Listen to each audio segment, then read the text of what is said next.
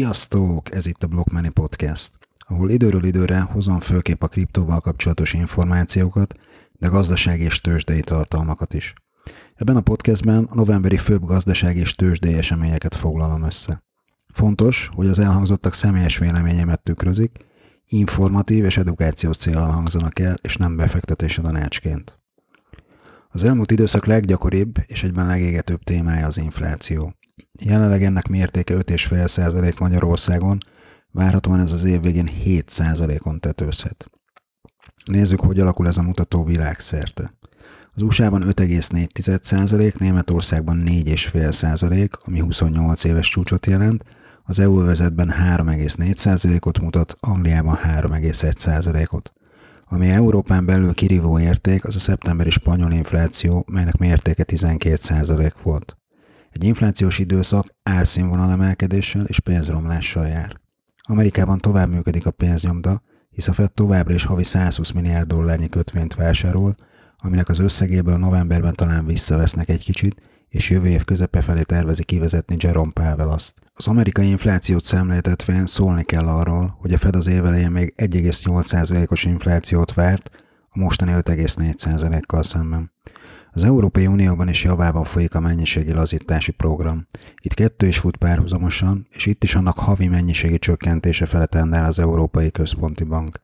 Egyébként mind Jerome Powell, mind Christine Lagarde elismerte, hogy az infláció tartósan velünk maradhat.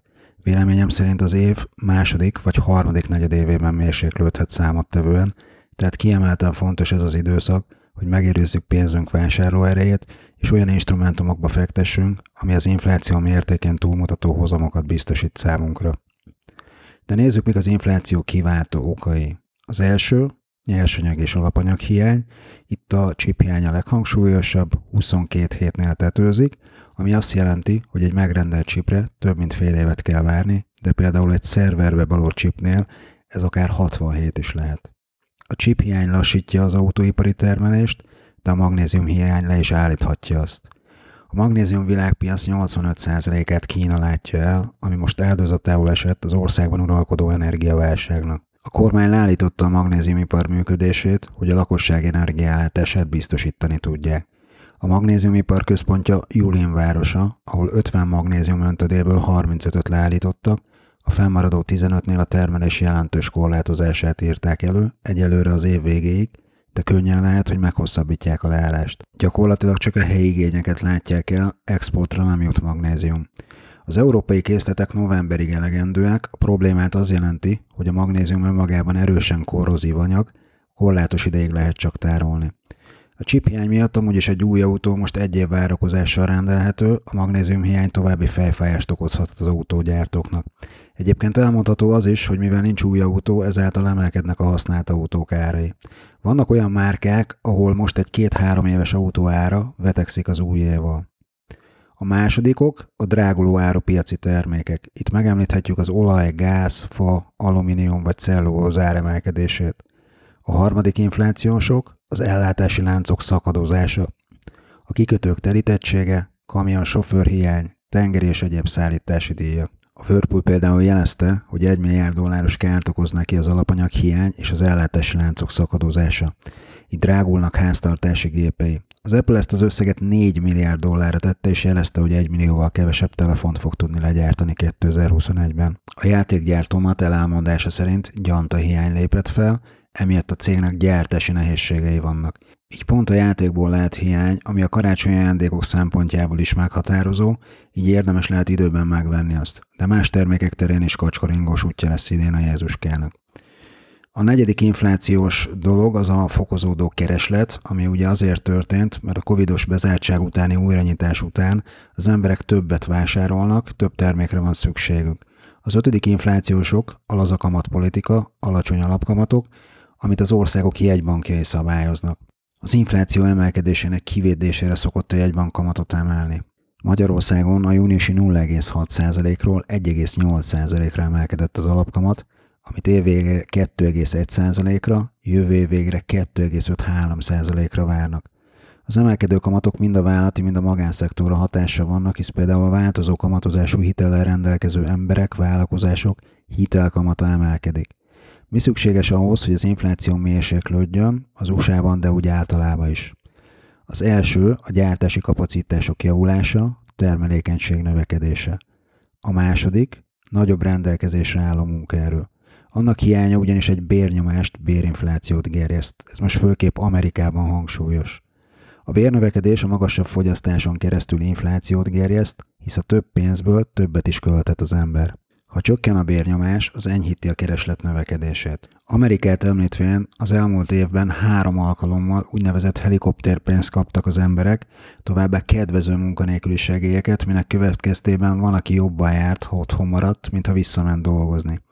Továbbá, ha valaki a tőke és kriptopiacokon ingyen jött pénzét jól fektette be, azt a magasabb hozamai kényelmesebbé tehették.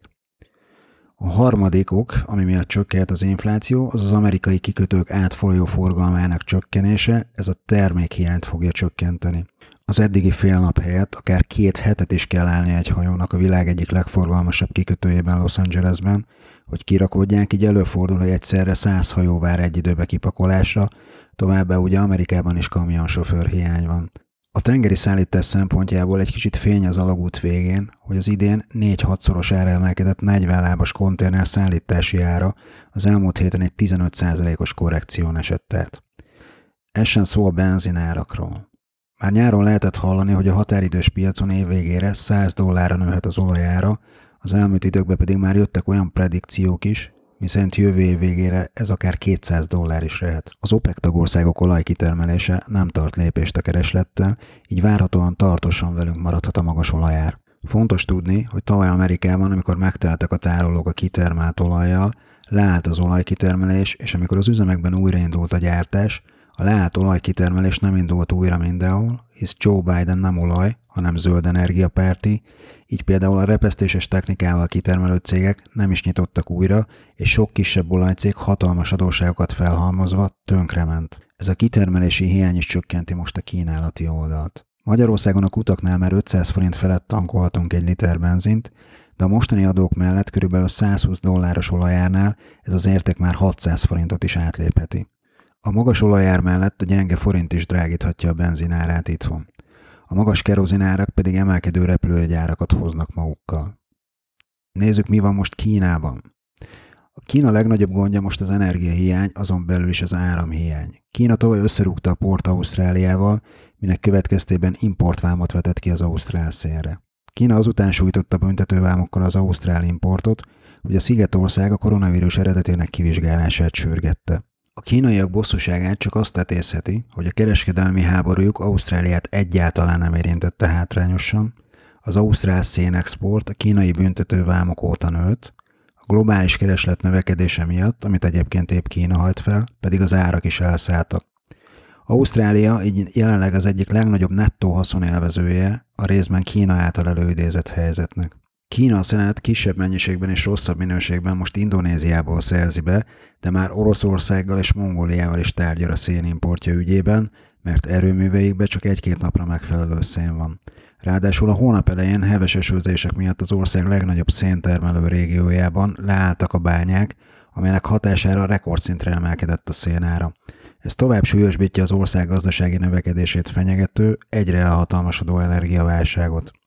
A szénhiánya 10-15%-kal csökkentheti az ipari energiafelhasználást a negyedik negyed évben, ami leginkább energiaigényes ágazatokban, például az acél és vegyiparban, valamint a cementgyártásban a tevékenység 30%-os lassulását eredményezheti.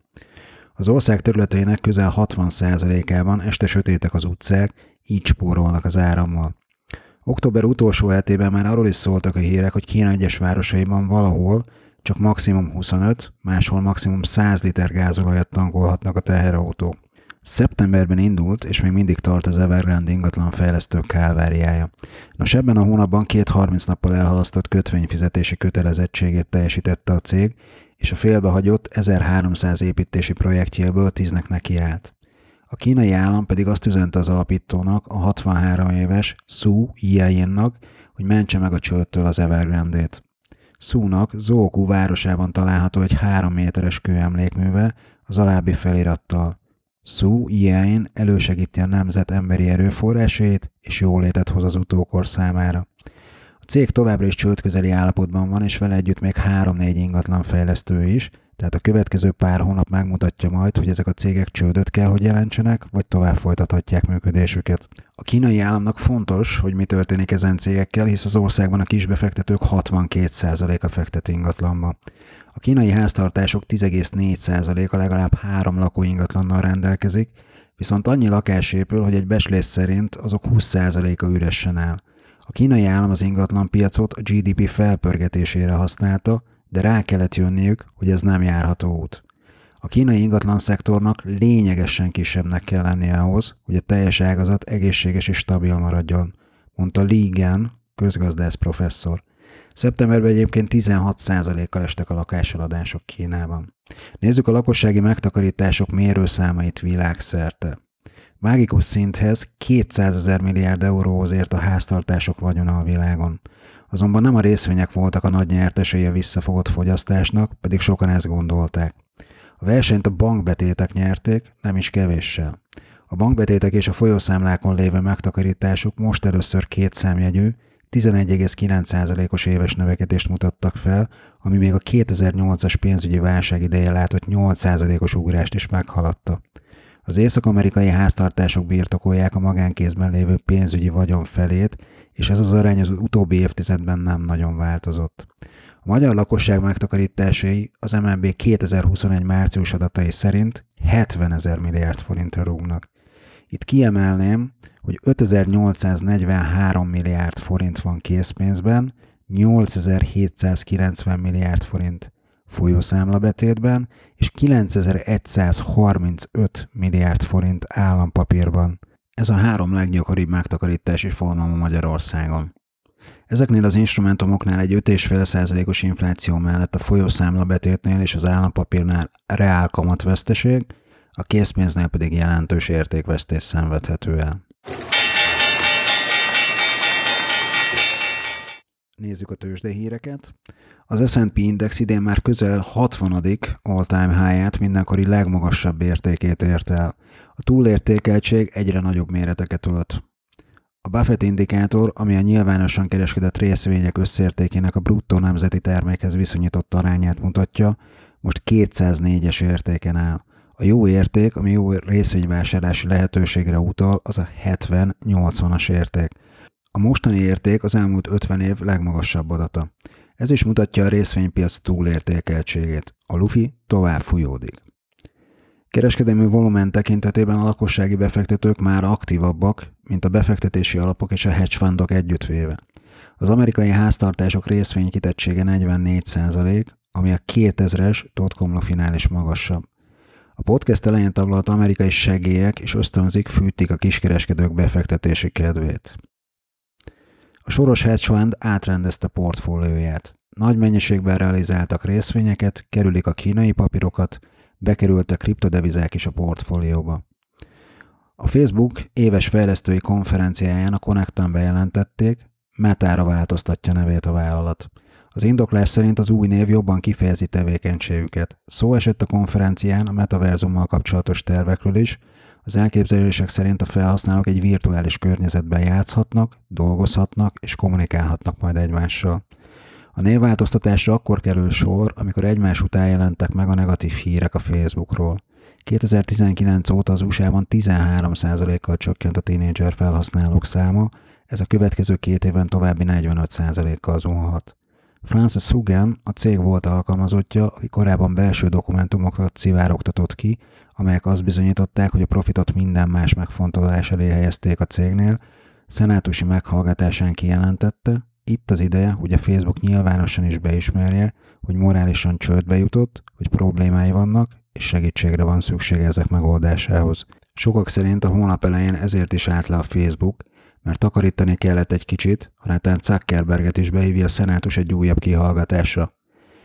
Nem annyira ismert hogy a Facebook vezére az USA elnöki posztjáért is indult volna, és a 2016-17-ben nincs a Cambridge Analytica botránya, ahol 87 millió Facebook felhasználó adatai szivárogtak ki, miután a főnökek randira kellett menni a szenátus elé, ami meg is pecséltelt egy életre az elnöki szándékait.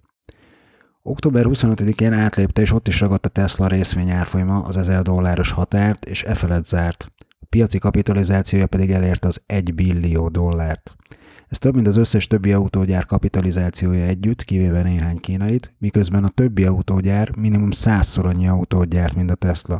A sztori, amire széttépték újra a papírt, hogy a Hertz autó kölcsönző, amelyik cég még pár hónapja csődeljárás alatt volt, állítólag vesz 100 ezer Teslát flotta bővítés gyanánt lista áron. Az üzlet értéke 4,2 milliárd dollár, a Tesla keres rajta legfeljebb 1 milliárdot, az értékelés mégis közel 150 milliárd dollárt nőtt. Szegény Michael Burry, ő volt, aki megjósolta a 2008-as pénzügyi összeomlást, nagy tétben fogadott a Tesla esésére az opciós piacon, és most rendesen ellene indult az árfolyam. Musk vagyon növekedése ezen a napon 24 óra leforgása alatt 36,2 milliárd dollárra nőtt, vagyona jelenleg 288,6 milliárd dollár. Nem volt rest valaki és kiszámolta, hogy annyi pénzből, amelyet Elon Musk keresett 24 óra alatt, abból lehetne vásárolni 27,5 milliárd darab sajtburgert, valamint 11.200 darab Bugatti Chiron-t.